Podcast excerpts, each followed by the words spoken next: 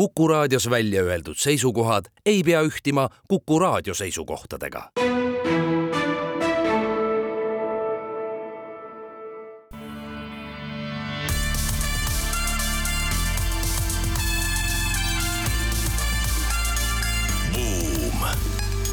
buumile annab hoogu SEB Pank tere päevast, on kahekümne seitsmes september aasta kaks tuhat kakskümmend kolm, oleme taas eetris Buumi saatega, saatejuhid sedapuhku Raivo Vare ja Anto Liivat tänase uudisteploki avame teadaannetega sellest, et Ameerika Ühendriikide tarbijakaitse on võtnud tehnoloogiaettevõtete tegevuse finantsteenuste pakkumisel üsna tõsiselt luubi alla. teise uudisena räägime sellest, et Amazon, keda seni peetakse mahajääjaks tehisaru võidujooksus, on investeerimas kuni neli miljardit dollarit tehisaru ettevõttesse Anthropic räägime ka sellest, et äh, kuidas on muutunud ning muutumas Aasia riikide majandusmudel ning äh, mida võiks see kaasa tuua seoses erinevate kaasaegsete makselahenduste juurutamisega? Äh, juhtimisuudiste raames räägime kahest uudisest Economistist. üks räägib sellest, kas töökaaslased peaksid olema ka sõbrad või mitte ja teine sellest, kes on ikkagi, tuleb määratleda, kes on ettevõttes kõige olulisem inimene meie tänane saatekülaline on SEB Panga kaupmeeste makselahenduste juht Karl-Oskar Haak. uurime Karli käest, milliseid makselahendusi Eestis kasutatakse, aga räägime ka digieuro projektist, mille üks faas nüüd oktoobrikuus läbi saab.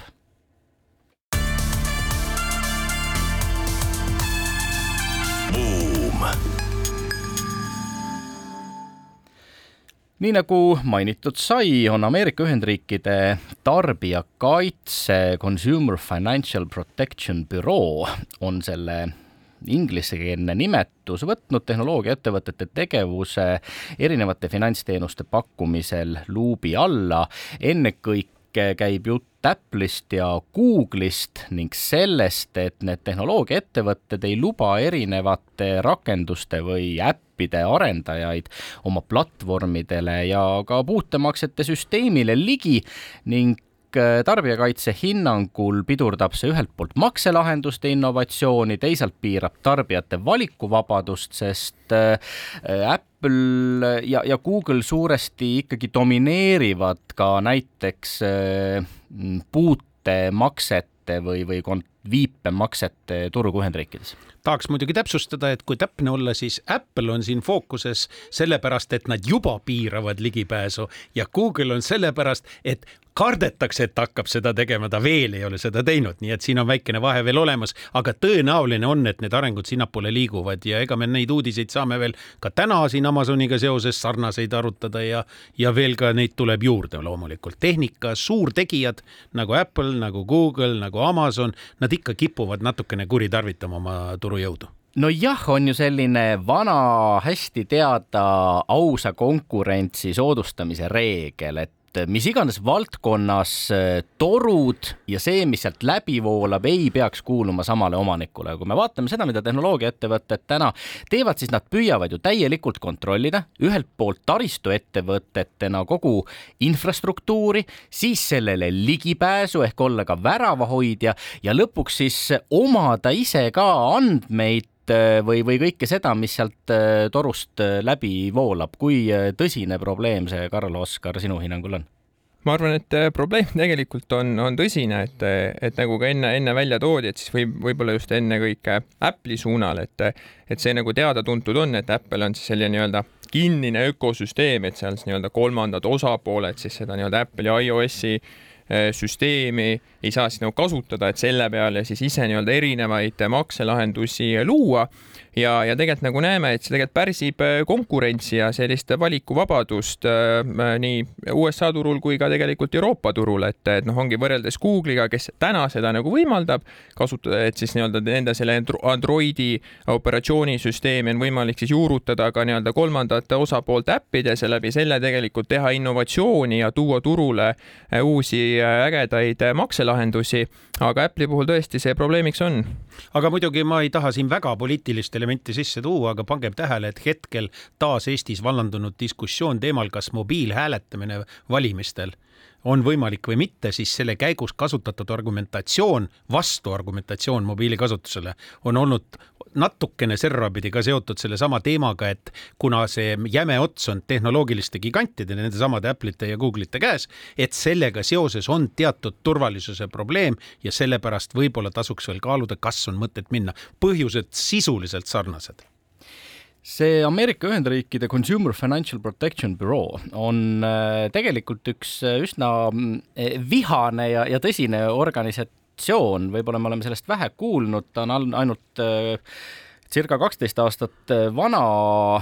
oma pooleteise tuhande töötajaga, aga alusepanija ja, ja selle büroo vaimne ema on ju Elizabeth Warren ja väga tuntud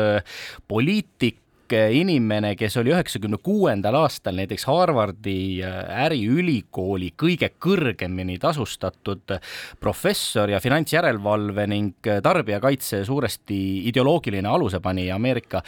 Ühendriikides äh, alustas see organisatsioon äh, ennekõike sellest, kuidas suured sotsiaalmeediakeskkonnad ikkagi meie andmetega ümber käivad ja, ja püüavad siis kõigiti seista selle eest, et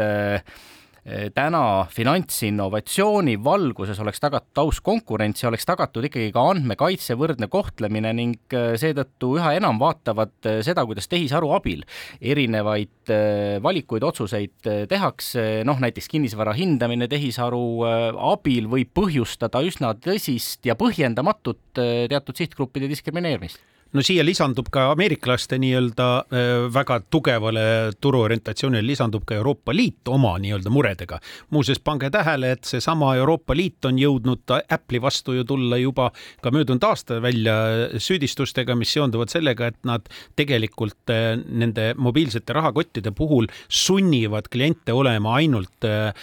iOS-i nii-öelda küljes, mitte, mitte teisi juurde laskma, nii et see ei ole ainult täna nii-öelda mobiilmaksete teema, teema kui selline, vaid see on laiem teema ja on ka Euroopa Liidus teema ja see on ühine rinne tekkimas no täpselt, et laiem, laiem teema, võib-olla hea näide just tuua ka, et et pikalt aastaid on siin näiteks Apple'iga piike murtud ka selle teemal, et, et laadijate teemal on ju, et Apple, Apple'il oli. aga no, murti maha nüüd. jah, täpselt, et aastaid oli ainult neil see enda nii-öelda lighting cable või mis iganes selle nimi on, et, et oma selle pesaga, pesaga iPhone'id on ju, aga, aga lõpuks siis peale aastate pikkust nii-öelda vaidlust siis ikkagist saadi jagu ja vähemalt noh tegelikult ka uus, uus mudel nüüd tuli siis selle USB-C laadijaga, mis peaks siis niisugune universaalne lahendus olema kogu turul. no jaa, aga see on ikkagi kogu lugupidamise juures äh, märgiline, aga pisiasi, noh, me teame, et Apple'i äri täna enam ei ole niivõrd küsimus äh, iPhone idest, iPhone on see riistvara, mille peal kogu ökosüsteem jookseb, aga raha püütakse teenida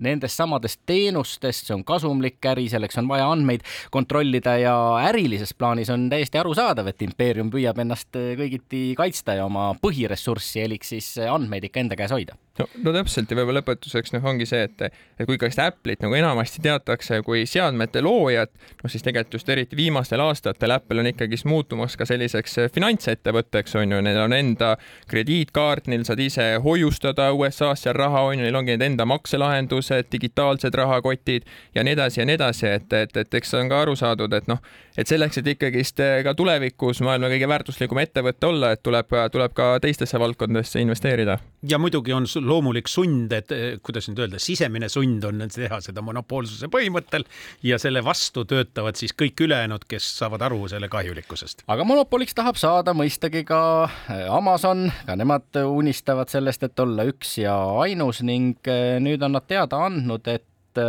investeerivad esialgu üks koma kakskümmend viis miljardit dollarit tehisaruettevõttesse Anthropic perspektiivis lubavad sinna paigutada kuni neli miljardit dollarit ja ikka selleks, et siis Microsofti äh, OpenAI või, või chat-GPT-le konkurentsi pakkuda? no tegelikult on äh, peetud Amazoniga selles suhtes ai maailmas mahajääjaks ja nüüd nad üritavad siis sooritada selle ülehüppe Äh, järsult, äh, arvestades, et selle startup'i Anthropicu puhul on tegu siis ühe kõige, kuidas nüüd öelda, lootustandvama äh, potentsiaalse partneriga, kellel omakorda oli vaja tegelikult täiendavat ressurssi selleks, selleks, et jooksutada oma, oma mudeleid, et neid õpetada ja nii edasi. Ja nüüd pange tähele, tegelikult Amazon teeb siin veel äh, kübaratrikki, sellepärast et äh, lisaks sellele, et ta ennast investeerib sinna sisse ja saab nii-öelda ligi sellele kunstharule kui sellisele, siis lisaks sellele nüüd seesama partner peab seda jooksutama tema serverite peal, aga me teame, et Amazon on väga suur serverite maailmas tegija. Ja teiseks ta saab kasutada ka Amazoni oma mudelite nii-öelda jooksutamiseks, nende treenimiseks. Tegelikult treenimiseks nimetatakse lausa sõna-sõnalt seda. Ja, ja seejuures ka kasutada, mis nüüd on veel võib-olla vähem teada, Amazoni džipp ehk siis kiipe, mida Amazon ise toodab, mida tegelikult noh, võib-olla teiste kiibisõja osaliste puhul ei ole tähele pandud, et nad sellega tegelevad, aga tuleb välja, et see on ka neil päris tõsine arengu, arendus ja neil on kaks erinevat kiibitüüpi, mida nad mõlemad nüüd siis saavad arendada veel rohkem tänu sellele, et need on üksteist võimendavad protsessid. no täpselt, et ma just tahtsingi end-, no ise, kui ma seda lugesin, et võib-olla jäigi hästi silma see, see kiibi pool, et kui täna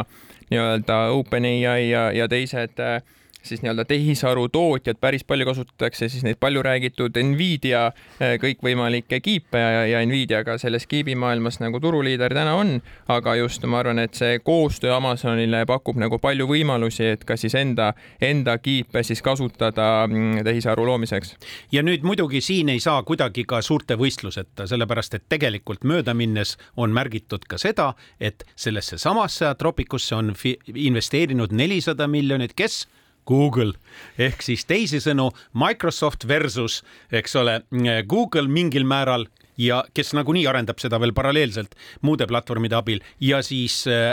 eks ole, suurtegija nagu, nagu seda on äh, Amazon. ehk üsna sama lugu, kontrollime taristut, kontrollime äh, väravalukke, kontrollime seda, mis sealt taristust läbi voolab, ehk siis kiibid tarkvaralahendused, kliendibaas, äh, kogu ökosüsteem. Äh, vaatame, mis sellest suurte võidujooksust äh, edasi saab, kuulame nüüd ära kaubanduslikud teadaanded ning pärast seda kiikame Aasia poole.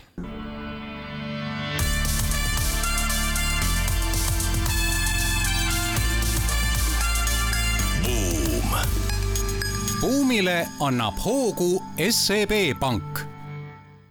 oleme tagasi Buumi eetris, saatejuhid Raivo Vare ja Anto Liivat ning tänane saatekülaline on SEB Kaupmeeste makselahenduste juht Karl-Oskar Haak, kes aitab meil ka uudiseid kommenteerida. lubasime piiluda nüüd Aasia poole, meile jäi silma The Economisti artikkel Aasia riikide muutuvast või muutunud majandusmudelist ning selleks, et seda arutelu kõneka faktiga avada, kui järgmisel aastal äh, peaks maailma keskklassi hulka lisanduma sada kolmteist miljonit äh, inimest, äh,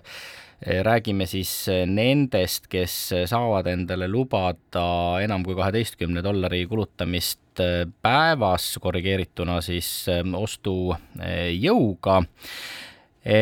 siis sellest saja kolmeteistkümnest miljonist kaheksakümmend protsenti äh, lisandub äh, keskklassi hulka inimesi äh, just nimelt Aasia riikidest. ehk siis, kui me vaatame seda, kus on turg, kus on endiselt kasvupotentsiaal, siis vaatamata sellele, et Hiina näiteks ei kasva enam nii kiiresti kui varem, on see ikkagi väga atraktiivne turg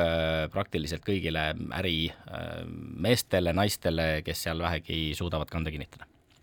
no täpselt nii ongi, et noh, võib-olla tausta, taustast ka, et et noh, tegelikult nagu võib-olla sellise kahekümne sajandi, sajandi lõpupoole siis noh, kus Aasia oma tõuke sai, oligi läbi selle, et pigem läbi, läbi see kuvand, et saad nii-öelda odavalt kõike võimalikku Aasiast toota ja siis seda siis imporditi Ühendriikidesse, Euroopa Liitu ja sealt tegelikult sai siis ka nii-öelda Aasia riigid nagu näiteks Hiina, Jaapan said tegelikult väga suure nii-öelda tõuke, et kuidas areneda. Aga, aga tõesti tänapäeval see muutus on toimunud, kuna, kuna Aasia siis nii-öelda kontinendi ja mandrina on ka ise nii palju äh, arenenud ja, ja, ja rohkem ka siis sellist nii-öelda Aasia-sisest kaubandust äh, on tekkinud. Ja võib-olla ongi noh, tooksin nagu kaks sellist äh, põhjust välja, et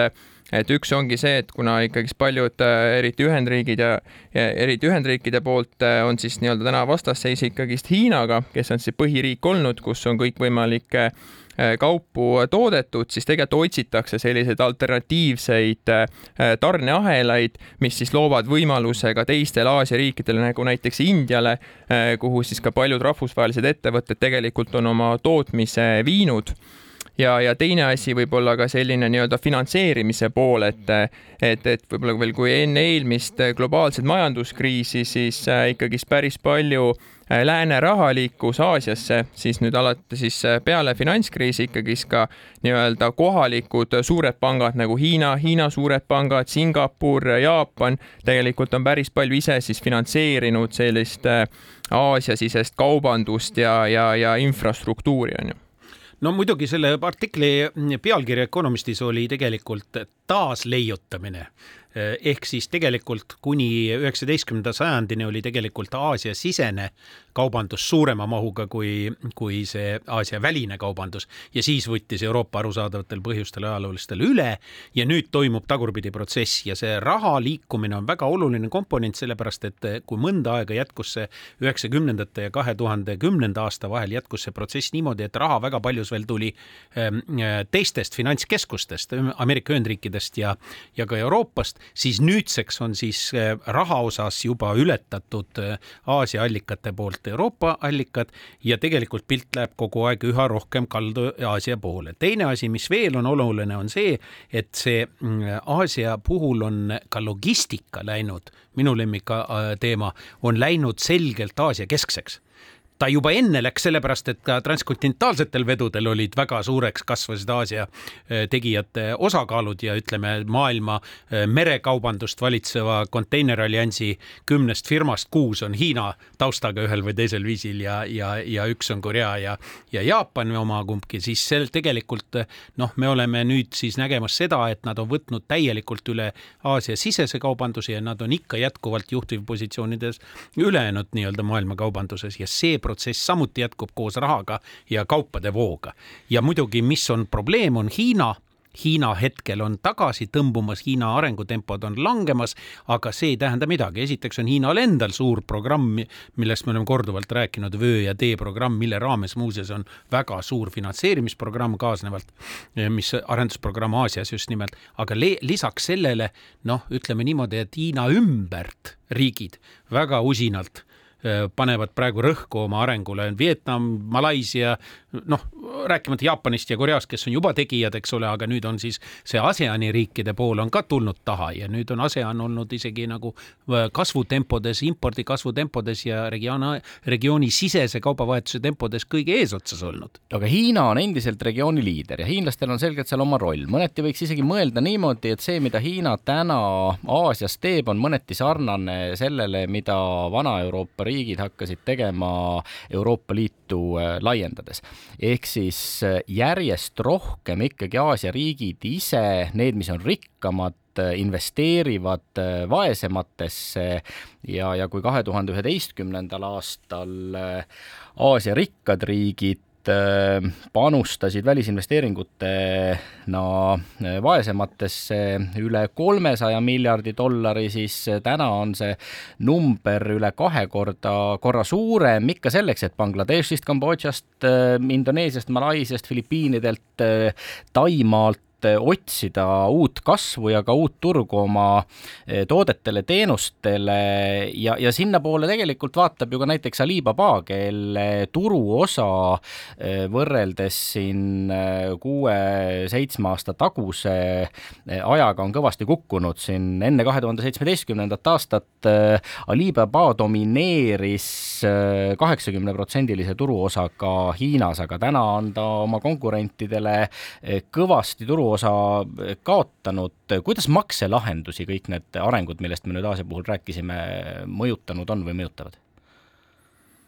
noh, ma arvan, et suures pildis, noh, nagu sa välja tõid ka, et siis, et miks võib-olla Alibaba on ju,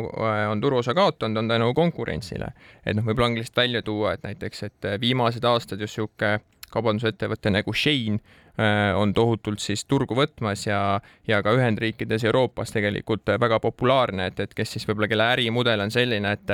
kus siis nagu laos hoitakse väga vähe kaupa ja, ja toodetaksegi, just üritatakse kaasas käia viimaste trendidega ja siis ka kiiresti asjad kohe tootmisesse saata, onju et, et, et kuidas see nagu muutnud võib-olla sihuke makselahenduste poolt on, ongi, ma arvan, see, et,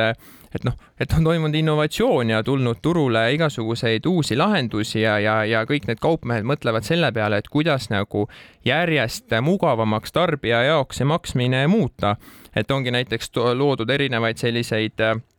inglise keeles siis äh, subscription mudeleid, eesti keeles nii-öelda korduvmaksete mudeleid, et no näiteks ongi, sul on mingi kindel toode, mida sa tead, sa tahad äh, iga kuu kasutada, see ongi, et see kaupmees saadab sulle selle teele, iga kuu saadab selle teele ja raha läheb sul automaatselt siis kaardi pealt maha, et, et sa ei pea tegelikult ise oma aega kulutama. aga muidugi tuleb ka vahemärkusena märkida, et tegelikult Aasias on oldud ka innovaatilisemad isegi kui praegu Euroopas ja Ameerika Ühendriikides. seesama nii-öelda mobiilse maksete teema tuli sealt, eks ole, esimesena. täpselt samuti on kõik need uued mudelid, millest siin põgusalt osaliselt juttu on olnud, kõik on seal juba suures mastaabis käima läinud, meil alles katsetatakse jah, täpselt ongi, et noh, et võib-olla nagu ongi need WeChat ja sellised rakendused, mis noh, justkui kutsutakse nendeks superäppideks tegelikult, kus sa juba täna kõike teha saad ja võib-olla nüüd sarnast üritatakse siis ka kas Euroopas või Ameerikas teha või kasvõi näiteks noh, nagu ka Elon Musk on välja öelnud, et Twitteri kujul ta midagi sellist nagu üritab teha, et just sellist superäppi luua, et kus, kus saad siis nii maksta, kaupa tellida, ma ei tea, oma mõtteid jagada ja, ja kõike muud ja kolmandat, onju räägime ka sellest, kas ikka töökaaslased peaksid ilmtingimata olema sõbrad, taaskord Economist arutelu algat-, arutas ähm, asi nimelt selles, et juhtimisuuringute põhjal on äh, sellel, kui töökaaslastega hästi läbi saadakse, palju positiivseid äh, mõjusid, väiksem personalivoolavus, suurem pühendumus, äh, väiksem tööõnnetuste arv on mõned näited, mida võiks uuringute puhul välja tuua, ometigi Ehm, ei peaks eh, juhid eh, ise väga tegelema sellise sõprussuhete loomise ja arendamisega kolleegide vahel? no tegelikult Harvard Business School'i ja, ja Berkeley eh, ühisuuring näitas, et need töötajad, kes mänedžeridega hästi omavahel läbi saavad, neil on karjäärivõimalused paremad. aga see firma seisukohast tegelikult ei pruugi kõige parem olla ja tegelikult selle Economisti nii-öelda loo nii-öelda kvintessents taandub sellele, et teate, mänedžerid, et ärge sekkuge sellesse, ärge proovige olla sõbrad, kui keegi nendest töötajatest tahab olla omavahel sõber, see on okei okay,, see on nende asi, aga ärge teie seda kunstlikult pitsutage tagant, nagu nad on toonud näiteid, et seda tehakse. Paljudes firmades, ka startup ides ja mitte ainult ma pigem ütleks äh, tõesti legendaarse eestvedamise guru Warren Bennise äh, sõnadega, et juhtidel ennekõike peaks olema kolme tüüpi järgijaid. on ristirüütid, kes tulevad kaasa, sest neile läheb korda juhi tähendusrikas pürgimus, on vandeseltslased, Äh, kes äh, ajavad ühist asja sellepärast, et seda aetakse mingis neile sümpaatses meeskonnas ja siis on kannupoisid, kes lihtsalt jumaldavad väga juhi isikut ja, ja järgnevad nii nagu Sancho Pancho Don Quixotile. Väga-väga hea kokkuvõte, et tahtsin, tahtsin enda poolt veel lisada, et noh, e-, e-, eks ta nagu äh, võib-olla töötajad nagu ootavad ikka ka seda, et eriti tänapäevases maailmas, kus meil on niisugune hübriidtöö on ju, et mõned inimesed on kontorid, mõned inimesed on kodukontorites igal pool maailmas laiali, siis ettevõtte poolt on tervitatav, kui luuakse selliseid sotsiaalseid koosolemisi, et tekiks üldse võimalus kolleegidel omavahel suhelda aga noh, ma arvan, fundamentaalselt oluline nende sõprussuhetega ongi see, et, et see peab olema no iga inimese oma voli või vaba tahe, et kas sa tahad kellegagi sõber olla või ei taha kellegagi sõber olla ja seda kindlasti piirama ei tohiks hakata. ja see võib meil ajas muutuda, sellepärast et kui sinu hea sõber saab äh, ametikõrgendust ja sina ametialandust, siis sellest väga tihti võrsuvad hoopis probleemid, nii et las nad jagavad seda ikka üldist omavahel, võib-olla ainult võib-olla seda võimalust tuleb äh, siiski mingil määral tõesti toetada, nagu sa ütled, aga lõpuks kaks sõna veel sellest, et kes on ettevõttes kõige olulisem inimene, jällegi Economist soovitab, et üldiselt tehke endale selgeks, kes see on. ja seal on arvamus, et noh, et kõige tähtsam on loomulikult äh, tippjuht keda peaaegu keegi ei piira peale nõukogu ja, ja kelle saatust otsustab nõukogu, aga kõik teised on sõltuvad. ja lõppkokkuvõttes, kui seda arutlust jälgida, jõuab ta ikka järelduselt, eelkõige tippjuht muidugi on, aga samas on kasulik aeg-ajalt erinevatel põhjustel, erinevate nurkade alt jälgida, et võib-olla on ka teised väga tähtsad või kõige tähtsamad selle konkreetse projekti, toote suhtlemismalli, võib-olla terve ärimudeli jaoks ja ei pruugigi olla tippjuhid ja see tuleb endal selgeks teha jah, sest äh, Columbia ülikooli analüüs ütleb, et äh, maailma suurettevõtetes äh, juhid räägivad kümme korda rohkem klientidest võrrelduna siis oma töötajatega, kes igapäevaselt on lähedal ja väärtust loovad, nii et tõesti selle küsimuse küsimine, kes on meie ettevõttes kõige tähtsam, räägib teinekord nii mõndagi ettevõtte kultuuri ja juhtimise kvaliteedi kohta. nüüd kuulame aga taas ära kaubanduslikud teadaanded ning seejärel jätkame makselahenduste teemadel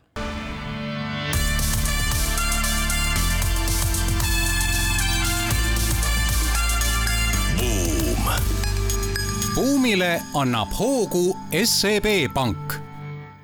oleme tagasi Buumi eetris, saatejuhid Raivo Vare ja Anto Liivat ning meie tänaseks saatekülaliseks on SEB Panga kaupmeeste makselahenduste juht Karl-Oskar Haak.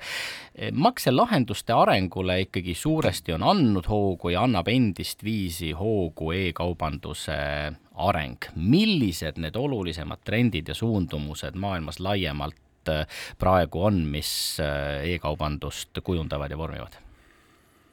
üks, üks asi kindlasti, millest üle ega ümber ei saa, nagu enne juttu tuli, on seesama tehisintellekti pool, on ju, et äh, ma arvan, väga palju kasutataksegi täna seda siis nii-öelda kliendi suhtluses, et, et just siis nii-öelda kliendi toe funktsioon asendatakse tihti igasuguste chatbot'ide või muude asjadega aga samuti ka järjest rohkem siis kasutatakse tehisintellekti selleks, et siis erinevat nii-öelda sisu luua äh, enda e-poodi, et kas tootekirjeldusi teha, kas äh, nii-öelda turundusliku sisuga e-kirju saata enda klientidele ja nii edasi ja nii edasi. et kindlasti, kindlasti see on üks, üks suur pool aga kui, kui vaadata seda kunstharu kasutamist, siis seal on ka ohud. kas sellega juba on äh, kurbi näiteid ja kas sellega kuidagi ka võideldakse, sellepärast et noh, on suur tõenäosus, me teame, et see ei ole ideaalne äh, tööriist, ta võib äh, pingutada üle erinevates kohtades. no täpselt, et ma arvan, et noh, üks suur oht ongi see, et et ikkagist nagu kui personaalset sellist sõnumit või sisu sa suudad selle äh, tehisintellekti tööriistaga luua, et noh, ma olen ise ka testinud iga chat GPT-st igasuguseid asju küsinud, et noh, ta annab sulle ilusa vastuse, aga ta on ikkagi selline hästi nagu üldine ja võib-olla laialivalguv, et et noh, kuna, kuna nii-öelda e-kaubanduses ka ikkagist konkurents on tohutu, siis väga oluline ongi siis selline personaliseeritus, et sa ikkagist äh, et ettevõtted suudaksid siis äh, klientide andmeid nagu töödelda sellisel viisil, et pakkuda neile just neile huvipakkuvaid reklaame, just neile huvipakkuvaid tooteid äh, ja, ja muud sisu, on ju, et, et seda nagu vastust mul täna ei ole, et kas, kas tehisintellekt seda veel täna teha suudab, aga võib-olla tulevikus. aga ühe trendina, mida näiteks Forbes on selle teemaga seoses välja toonud, on see, et, et hindadega saab paremini mängida. kuna, kuna e-kaubanduses on see hinnastamise loogika natuke natukene teistsugune kui nii-öelda füüsilises kaubanduses ja seal on rohkem võimalik koostöös selle personaliseerimise faktoriga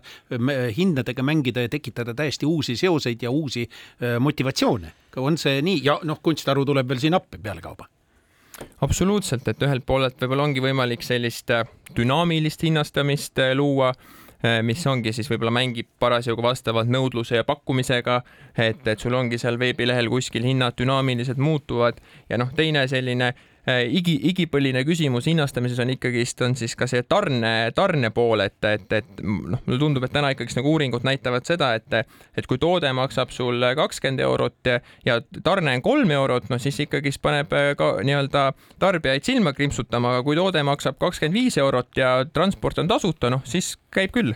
no kõik, kes on äh, näiteks Booking.com'ist endale majutusasutust ähm, otsinud ja, ja äh, broneerinud sealhulgas ka maksnud siis ööbimise eest, eh, teavad üsna hästi, eh, kuidas püütakse ühel ja teisel viisil kliendi käest võimalikult palju raha kätte saada. noh, käisin, käisin ka hiljuti, vaatasin, otsisin ehm, konverentsile minekuks Budapesti hotelli, eh, piilusin, vaatasin, läksin minema, läksin, vaatasin uuesti, hinnad olid tõusnud, läksin minema, ühel hetkel tuli postkasti. ainult sulle, ainult täna, vautšer või, või, või siis allahindlus, kupong saja euro peale, kui kohe ära ostad. ja tegelikult, ja tegelikult oleks sa hotelliga otse suhelnud, oleks veel viiskümmend maha saanud sellele lisaks. ehk siis, kas kuskil on ka sellise noh, eetilise eh, käitumise piirid ja, ja, ja mängureeglid e-kaubanduses, mida tohib teha, mida ei tohi teha, kuidas seda kõike reguleeritud täna on? Ma arvan, see on väga õigustatud küsimus, et no siin ongi võib-olla kaks nagu meedet, et üks on selline noh, sihuke eetilise poole küsimus, kus ongi võib-olla natuke sihuke hall ala on ju, et kuna erinevad äh, inimesed, ettevõtted võivad eetilisi norme erinevalt nagu hinnata, aga kindlasti, mida nagu ikkagist üritatakse reguleerida ja mida ka on reguleeritud, on ikkagi see, et noh, et klienti nagu petta ei tohi, on ju, et, et, et viimane äh, ma jään nagu täpselt nüüd detaili võlgu, äh, võlgu, aga, aga, aga nii-öelda Euroopas või Eestis on ka vastu võetud see, et, et ei tohi seda trikki teha, et näiteks kui alla, allahindluste periood on, Äh, et siis kuvatakse, et justkui on nagu väga suur äh, allahindlus, miinus seitsekümmend protsenti, aga siis on just tehtud seda trikki, et, et tegelikult nagu kauba see originaalhind on tõstetud kõrgemaks äh, ja siis lihtsalt kuvatakse, et on väga suur allahindlus, et tekitada klientides seda vajadust, et oh, et nii odavalt, nii hästi saan kätte, et pean kohe selle ära ostma, et näiteks selline trikk on küll ära keelatud nüüd e-kaubanduse arengute valguses on äh, erinevate moodsate makselahenduste kasutamine kasvanud äh, justkui pärmi peal, te olete seda hiljaaegu ka äh, uurinud kuidas eestlased oma igapäevaseid makseid teevad ja toimetavad? ja kas te olete ainult SEB klientuuri uurinud või olete laiemalt seda ette võtnud? no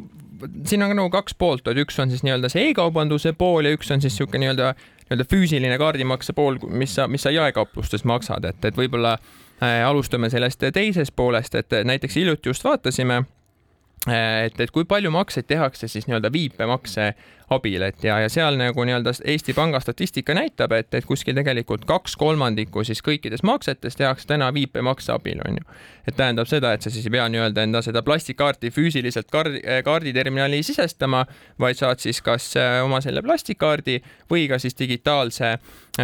nii-öelda rahakotiga vastu terminali viibata. see on tehingute arvu järgi arvutatuna, mitte summade järgi arvutatuna, sest seal on limiidid ju madalamad Eh,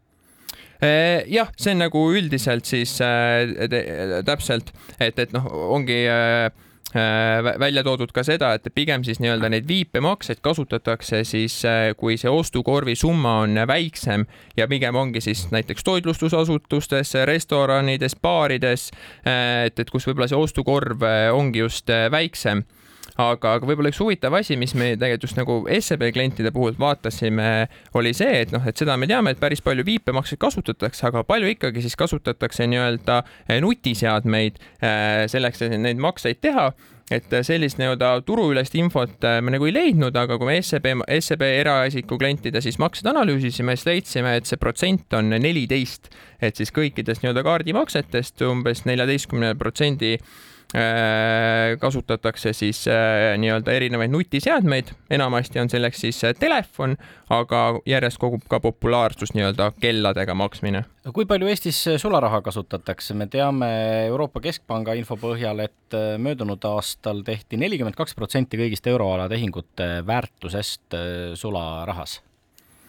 mul praegust konkreetset statistikanumbrit äh, peast võtta ei ole, aga fakt on see, et noh, trend ikkagist juba viimased kuskil kümme aastat on sinnapoole olnud, et sularaha kasutus järjest väheneb. äh, ja võib-olla väga eesrindlik riik on näiteks siin Rootsi on ju, et kus ma ka hiljuti käisin, et et noh, ongi reaalselt sularaha tänavapildis ei eksisteeri, et, et kõik, kõik makselahendused on automatiseeritud Äh, ja, ja, ja nii-öelda ega, ega, ega tarbijatele seda sularaha väga palju taskusse ka ei jõua, on ju, et kui sa palka saad ka nii-öelda äh, ülekandega, et siis kust see sularaha nagu tekibki aga ma ütlekski, noh, selle asja võib-olla see positiivsem pool on see, et, et see on andnud tegelikult ka suure tõuke siis äh, innovatsiooni jaoks. Ja, ja, ja, ja tänu sellele on ka saadud see erinevaid nii-öelda makselahendusi luua, et ma võin näiteks ühe näite tuua, et, et noh nii-öelda niisugune traditsiooniline on olnud see, et kui lähed kuskile turule või väiksele laadale, siis need, need on ikka kohad, kus sularahas justkui äh, oleks vaja maksta, aga samas äh, tarbijate ootus ikkagist täna on see, et saaks igal pool kaardiga maksta ja, ja selleks tegelikult on loodud ka siis sellised uued makselahendused, et äh, mis võimaldab siis kaupmehel tegelikult oma nii-öelda nutitelefoni või tahvelarvuti muuta ka kaardimakseterminaliks ja siis sellega klientidelt makseid vastu võtta et mis on just täpselt sellistele väikestele kaupmeestele tegelikult suurepärane lahendus. ma olen seda isegi järgi katsetanud mitu korda ja täitsa hästi toimib ja tõesti on kasvav trend, võib seda kinnitada. nii et see, et sularaha, mis enne oli nii-öelda väga populaarne Eestis, täna ikkagi selgelt tõmbub kokku, lähme Rootsi teed kuulame taas ära kaubanduslikud teadaanded ning seejärel räägime digitaalsest eurost.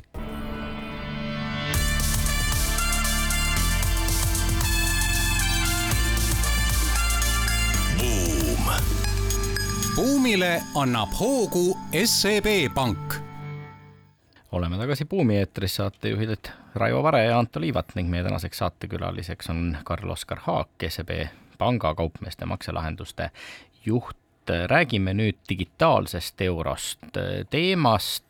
millest on üsna palju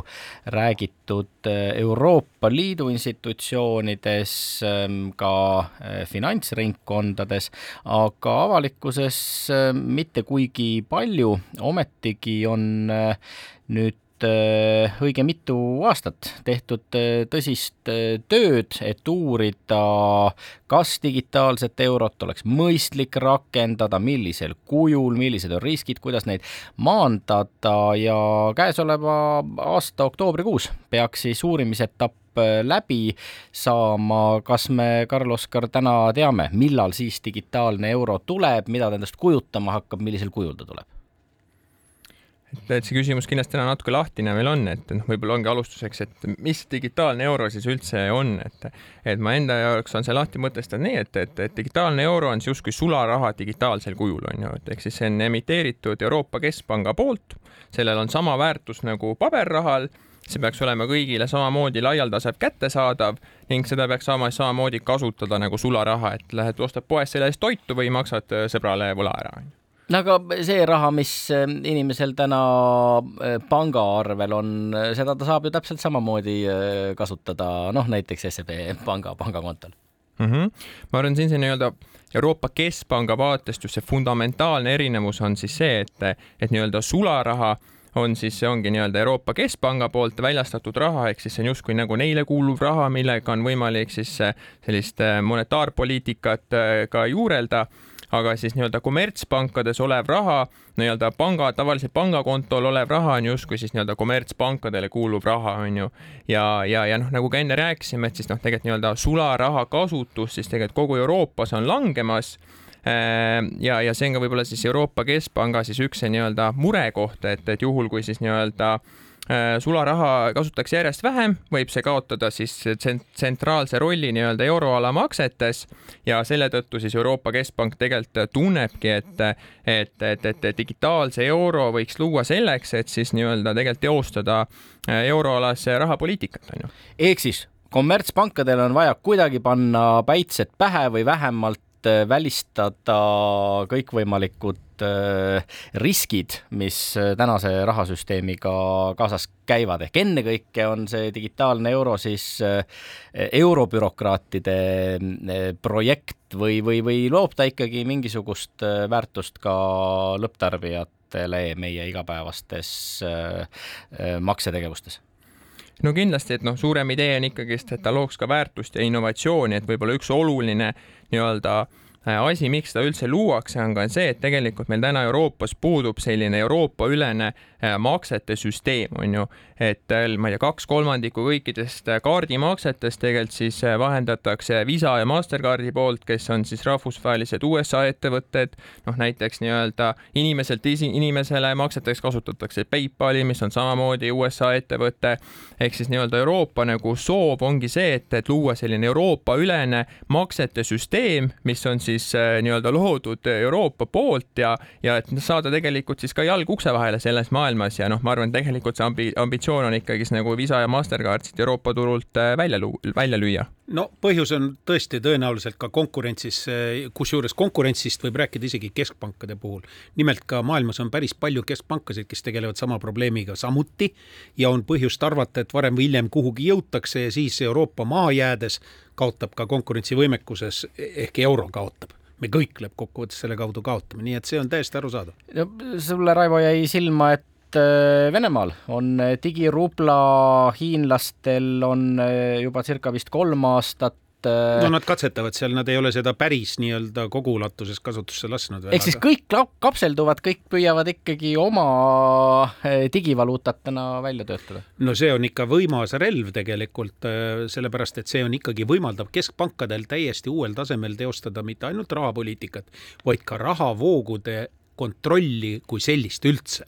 noh, täna ikkagi reaalselt ju raha emiteerivad ka kommertspangad näiteks, aga mitte küll ametlikult tehnilises mõttes, aga siis sellisel juhul on võimalik nii-öelda suunata erinevaid rahavoogusid ka erineva äh, kontrolliastmega ja see on väga teretulnud võimalus. no millest on palju räägitud äh, digieuro puhul tõesti, on see, et ühelt poolt lubatakse küll äh, lõpptarbijatele, et nende privaatsus digieurot kasutades saab olema kõigiti tagatud ja kaitstud sarnaselt sularaha kasutamisele, aga samal ajal peaks enneolematutesse kõrgustesse jõudma võimekus äh, rahapesu ja rahvusvahelist äh, terrorismi äh, ohjata? no täpselt, et, et noh, nii palju kui täna nagu ehk siis see nii-öelda lõplik disain, kuidas siis see digieuro välja peaks nägema, et täna see nagu sajaprotsendiliselt veel teada ei ole ja nagu sa välja tõid ka siis siin oktoobri lõpus või millalgi siis äh, Euroopa institutsioonid siis kogunevad, et siis lõpuks otsustada, kas selle projektiga edasi minna või mitte. aga nii palju nagu tänaseks on räägitud, et et saab siis olema selline limiit, et igal siis eraisikul on võimalik omada eh, kolme tuhande siis euro väärtuses seda digitaalset eh, raha, on ju. ja siin ongi mitu aspekti, et üks on see, et miks kolm tuhat, on siis selleks, et kui seal ei oleks mingit limiiti, siis potentsiaalselt võiks juhtuda nii-öelda pangajooks, on ju. et näiteks kui tuleb jälle finantskriis, inimesed tahaksid kommertspankadest hakata raha välja võtma, konverteerida seda keskpanga rahasse, mis, mis on noh, justkui peaks olema nii-öelda turvaline, siis, siis võib juhtuda, on ju, et, et kommertspankadel tekivad likviidsusprobleemid. Ja teine pool ongi siis see privaatsuspool on ju, et noh, täna sularaha üks suurimaid eeliseid on see, et see on anonüümne. Ja, ja selleks siis ka see kolme tuhande eurone limiit, et, et noh, kui väiksemate summadega tehinguid teed, noh siis äh, paratamatult ka nii-öelda rahapesurisk on, on väiksem. Ja, ja, ja, ja noh, täna töötataksegi välja meetmed, et juhul, kui siis võib-olla institutsioonid tahavad teha nii-öelda suurematesse summadesse äh, digiraha siis tehinguid, et selleks ongi vaja ju kuidagi ka maandada siis seda rahapesuriski, on ju. No ja kui me nüüd võtame praktilisest aspektist vaadata, siis enamus meist kui tarbijatest nüüd ütleme niimoodi, et opereerib summadega, mis jäävad selle limiidi piiresse laias laastus. noh, igapäevaselt ma pean silmas, ehk siis ei ole seda hirmu, et äh, nagu napib, ütleme niimoodi, vahendeid. Ja kui on vaja rohkem, no siis lähed panka piltlikult öeldes, toimetad siis panga kaudu, nii nagu tavaliselt. nojah, aga ikkagi see anonüümsuse küsimus äh, tähendab lõpuks seda, et et äh, anonüümsus on tagatud ainult nii kaua, kuni opereerid äh, väikeste summadega, noh, mõneti on see muidugi äh, täna samamoodi, kui ikkagi päris suures koguses sularaha välja võtad või kontole kannad, siis pank tuleb ja, ja küsib, et kus said või milleks kulutad. Aga üks on ju kindel, et selle töötlemise jaoks on vaja tehnilist vahendeid, ehk siis tegelikult see aparatuur, mis täna on maksetes arendatud välja, see tegelikult võtab nii-öelda sujuvalt selle digitaalse euro vastu, ilma et tegelikult midagi kliendi jaoks noh, füüsilises mõttes isegi muutuks. seda on võimalik kasutada noh, nii palju, kui ma nagu sellest asjast aru saanud, on see ikkagist tahetakse selle digieuro näol luua siis selline nii-öelda äh, uus eraldiseisev äh, nii-öelda süsteem või skeem, äh, mis ei ole siis nii-öelda vähemalt tänase noh, ma ei tea, Visa või Mastercardi nendega seotud, et, et kuidas ta nagu praktiliselt äh, nii-öelda välja näeb, on siis see, et et Euroopa Keskpank loob siis see nii-öelda selle infrastruktuuri, aga tegelikult väga suur roll pannakse kommertspankadele ja makselahenduse ettevõtetele, kes tegelikult peavad vastutama siis selle nii-öelda leviku eest ja selle eest, kuidas siis nii-öelda eh, kliendid, eh, kliente identida ja kuidas kliendid nii-öelda klientideks saavad. ja tänane nägemus on see, et, et sul saab olema siis nii-öelda üks konto seal, digiraha konto seal Euroopa Keskpangas, aga reaalselt ikkagi nii-öelda tehinguid sa saad teha läbi oma kommertspanga äpi, et, et kuidagi siis see digiraha konto peab peaks olema siis seotud ka su kommertspangaga ja, ja sul tekibki seal siis kaks eraldi nii-öelda tavaline arvelduskonto, mis, kus sa kasutad siis kommertspanga raha ja siis teine konto, kus sa ka kasutad nii-öelda neid digieurosid. aga mina pidasin seda silmas, et piltlikult öeldes, kui ma tahan oma viiekümnese limiidiga minna mobiiliga midagi maksma, siis ma ise valin, kumba nupu peale vajutan, kas ma vajutan nii-öelda panganupu peale või vajutan digieuro nupu peale, aga muu on ju kõik sama terminalid on samad, mobiilid on sama, samamoodi kasutatavad. täpselt, et kõik muu on sellest sama, aga võib-olla fundamentaalne ongi see, et noh, et nii-öelda kaupmehed siis või teenusepakkujad, kes neid terminale kasvõi pakuvad, on ju, et noh, sinna tuleb ka tohutult arendusi teha, et see funktsionaalsus sinna juurde arendada, et üldse oleks võimalik seda digiraha makset vastu võtta. ja ole hea, ütle siia lõppu ära veel, äh, digieuro ei ole ju ähm, analoog kuidagi Bitcoinile või teistele krüptovaluutadele ei ole absoluutselt, et, et Euroopa Keskpanga vaade ongi see, et, noh, et, et võib-olla ka see krüptorahade laiem levik on see, et miks sellesse teemasse vaadatakse, aga fundamentaalne vahe ongi see, et digieuro on tagatud siis nii-öelda keskpanga poolt, ehk siis üks euro on alati üks euro, seal ei tohiks olla likviidsust ja, ja see ongi võib-olla peamine erinevus siis just krüptorahadega. ta ei ole vara, ta on valuuta. valuuta, see ongi see vahe suur tänu, Karl-Oskar Haak, SEB Kauba Kaupmeeste makselahenduste juht, meile täna Buumi saatesse külaliseks tulemast. meie oleme saatega eetris juba täpselt nädala pärast, siis uus külaline, uued jututeemad, seniks aga toimekat ja korda läinud nädala jätku. peatse kuulmiseni.